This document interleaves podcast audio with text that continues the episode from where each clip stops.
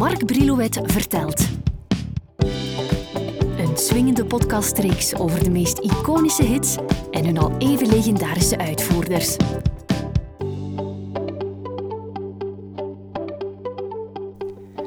That first piece of plastic, you can't believe how great that was, zei Ringo Starr toen de Beatles met Love Me Do hun eerste echte single in handen hadden. We laten in dit verhaal hun vinyle avontuur samen met Tony Sheridan als The Beat Brothers even buiten beschouwing. Love Me Do is voor de Beatles niet zomaar een plaat. In hun carrière mogen we dit gerust als een mijlpaal beschouwen, ook al zal die single in de Britse hitlijsten niet meteen potten breken. Het was eerst en vooral het eerste nummer dat Lennon en McCartney samenschreven dat op plaat verscheen. Plus was het de eerste keer dat Lennon, McCartney, Harrison en Starr als de Beatles op vinyl te horen waren. Alleen moeten we wat dat betreft en het Love Me Do verhaal ja toch het een en het ander enigszins bijstellen. Maar ga er rustig bij zitten en als je zin hebt een kopje koffie, waarom niet? Want luisteren naar een verhaal over de Beatles is toch altijd iets apart. Het is en blijft altijd een beetje luisteren naar pure muziekgeschiedenis. Het verhaal van de Beatles begint eigenlijk wanneer John Lennon voor de eerste keer Paul McCartney ontmoet. Dat was zaterdag de 6 juli 1957. Zou eigenlijk voor de popmuziek tot een soort hoogdag moeten verheven worden. John speelde toen samen met zijn groepje The Quarrymen tijdens een tuinfeestje, georganiseerd vlak in de buurt van St. Peter's Church in Wilton, Liverpool. Lennon had het jaar voordien dat groepje opgericht, behalve hij zelf nam niemand dat groepje ernstig. Achter de kerk lag een stukje veld waar een klein podium was gebouwd waarop Lennon met zijn vrienden als de Quarrymen mogen spelen. Pure skiffel, klinkt het. S'avonds om acht uur treden ze nog eens op, maar dan in de grote zaal waar een dansfeest op het getouw was gezet. Lennon is nooit vergeten hoe plots in de namiddag Paul McCartney opdook en demonstreerde hoe hij onder andere 20 Flight Rock van Eddie Cochran kon spelen. Een paar weken later laat John Lennon door Pete Sutton, die bij de Quarrymen speelt, vragen of Paul niet bij de band wil komen. Die vraagt even bedenktijd en hapt nadien gretig toe. Paul met me the first day I did Bebopaloola live on stage. Okay? And a, a, mutual friend brought him to see my group called the Quarrymen. And we met and we talked after the show. And I, I saw he had talent and he was playing guitar backstage and doing 20 Flight Rock by Eddie Cochran. And I turned around to him right then on first meeting and said, Do you want to join the group? Vergeten we niet dat toen Paul John voor het eerst ontmoette, hij pas 15 was en Lennon een jaartje ouder. Na Paul sluit zich George Harrison bij de Quarrymen aan en vervolgens Stuart Sutcliffe. Van Ringo Starr is dan nog geen sprake, die zal pas opduiken in het verhaal dat aanloopt vormt naar Love Me Do.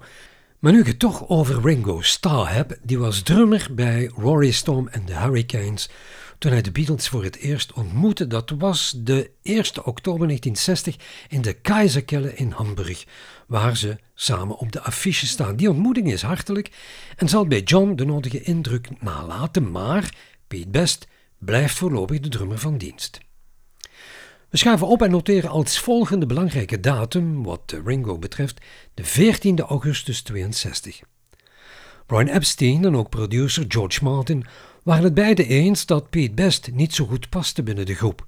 Hij was dringend aan vervanging toe. De 14e wordt Ringo Starr definitief aan de line-up van de Beatles toegevoegd en vanaf die dag is er pas echt sprake van de Beatles. De heren zijn in de wolken, want ze mogen bij EMI voor het Parlophone label een eerste plaat opnemen. Een soort try-out heeft de 6 juni 62 plaats. Daar hoort George Martin voor de eerste keer Love Me Do. Hij is zo weg van dat nummer dat hij samen met de Beatles besluit een selectie te maken van songs in die stijl die ze de 4 september zullen inblikken. Maar Martin die speelt de Beatles een demo door van How Do You Do It, de nummer van Mitch Murray, met de intentie dit als A-kant op te nemen van Love Me Do, maar dat ziet John Lennon absoluut niet zitten. Ze nemen het toch op op aandringen van Brian Epstein, maar met complete tegenzin. I always remember this, everybody else forgets it. There's a Beatle version of How Do You Do It, How Do You Do, that Jerry and the Pacemakers finally put out. when we first got in the studio, they tried to give us other people's songs. They didn't like ours. And we did, they, it forced us to do a version of how do you do what you do to me? I wish I knew, you know, like that. And Jerry did it, and we, we, we wouldn't let him put it out. You know, we said we shouldn't have no contract and all the tantrums bit, you know, then put that crap out, because it was rubbish, you know. I mean, we thought it was rubbish compared with Love, Love Me Do. How You Do It wordt wel officieel als single uitgebracht door Jerry and the Pacemakers, hun allereerste nummer 1 trouwens dat jaar. Waar je zelden over hoort praten, is dat de muziekuitgever van How Do You Do It, Dick James, de versie van de Beatles niet zag zitten. Niet als A-kant en ook niet als B-kant. Vandaar dat George Martin zich bij Lennon aansluit en twee Beatles-songs voor hun eerste single reserveert. De 4 september 62 hebben in de Abbey Road Studios de allereerste studioopname met de Beatles plaats, inclusief dus dat liedje wat ik daarnet zei, How Do You Do It.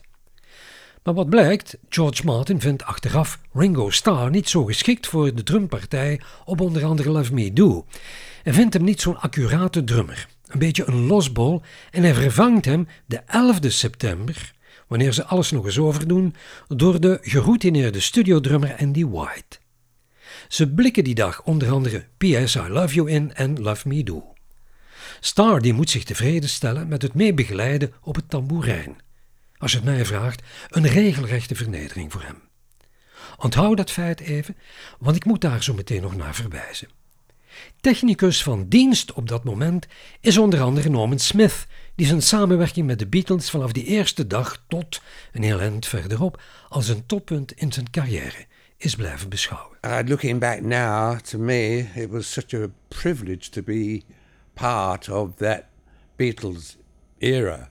I mean, they just transformed the whole recording business, certainly in this country and uh, throughout the world, really. And um, so it was just a magical. There's there's hardly words actually that can describe the feeling of uh, being, you know, involved with with the Beatles. It was, that's the only word I can think of, really. Magical. Mm. That, that the the whole time I was with them, uh, and I'm sure it was very magical for the public at large too. But you know, it was certainly in the in the recording business throughout the world, particularly America. That's the word, magical. Love Me Do schreef Paul bij hem thuis toen hij 16 was en tot over zijn oren verliefd op Iris Caldwell. Hij laat het nummer iets later onafgewerkt aan John horen, die hem helpt het nummer af te ronden, vooral wat het middenstuk betreft. Hij komt er nog met John overeen het nummer qua auteursrechten 50-50 te verdelen. Ze nemen dat nummer pas serieus wanneer ze de 9e mei in Hamburg een telegram ontvangen van Brian Epstein met melding dat hij voor hen een opnamesessie bij EMI heeft weten te versieren en er bij hen op aandringt wat meer eigen songmateriaal voor te bereiden. Ze besluiten dan ook Love Me Do voortaan wat trager te spelen en het een iets meer bluesy touch mee te geven, zo'n beetje in de stijl van hun toenmalig idool Arthur Alexander. Love Me Do stond haast vanzelfsprekend ook op hun repertoire toen ze in de Cavern in Liverpool speelden en nog in Hamburg optraden. Toen Peter Best dus nog deel uitmaakte van de groep. En dit is wat Peter daarover kwijt wil. This was a song which we wrote in Hamburg actually, uh, just before we opened the Star Club. And we knew that we were going back to EMI to record. And Epi turned around and told us, you know, original material, keep working on original material. So impress the the studios when you go back. So uh, we sat down, and by we, I'm talking about John and Paul and myself, and Love Me Do and Pierce I Love You came about. And it was one of the ones, again, we experimented on the German audiences, right, in view of the fact it was original material. And we changed it around slightly and kept sort of revamping it till we got it the way we wanted. And it was one of the ones which Took to. Geloof het of niet, maar die 11 september staan de Beatles tijdens hun tweede opnamesessie stijf van de zenuwen. Daar hadden ze ook al de vierde last van. Ze waren eerst en vooral al niet gewoon te spelen met koptelefoons op hun hoofd. Alleen al voor Love Me Do hadden ze 14 takes nodig. Lennon die stond erop het nummer in te zetten terwijl hij op zijn mondharmonica speelde. Hij kwam op die idee toen hij Delbert McClinton hoorde spelen op de intro van Bruce Chanel's hit Hey Baby, want dat nummer zet ook in met zo'n indringende mondharmonica. Er wordt besloten op de eerste single P.S. I Love You als B-kant te zetten en als A-kant dus Love Me Do. Even dit, P.S. I Love You, was door Paul het jaar voordien in Hamburg geschreven als een soort brief aan zijn geliefde. De 6 oktober 62 is het zover, de eerste Beatles-single wordt gereleased. Was het een vergissing of niet, op de eerste singlepersing van Love Me Do is Ringo Starr als drummer te horen. Op een latere persing is de versie met drummer Andy White te horen. Die versie met White staat trouwens ook op een eerste LP, Please Please Please Me, een eh, LP die in 63 verschijnt. Brian Epstein die is zo slim voor zijn platenwinkel in Liverpool meteen van Love Me Do 10.000 singles aan te kopen. De 27 december staan de Beatles op plaats 17 in de Britse top 40. Is het in mineur als ik afrond met het feit dat toen George Martin de EP, de Beatles hits, klaarmaakte, die in de maand september van 63 uitkwam, dat hij die Love Me Do versie met Ringo Starr definitief wilde vernietigen. Maar om de een of andere reden is dat toen niet gelukt en dook die versie in 1980 opnieuw op, tot groot jolijt van Ringo Starr natuurlijk.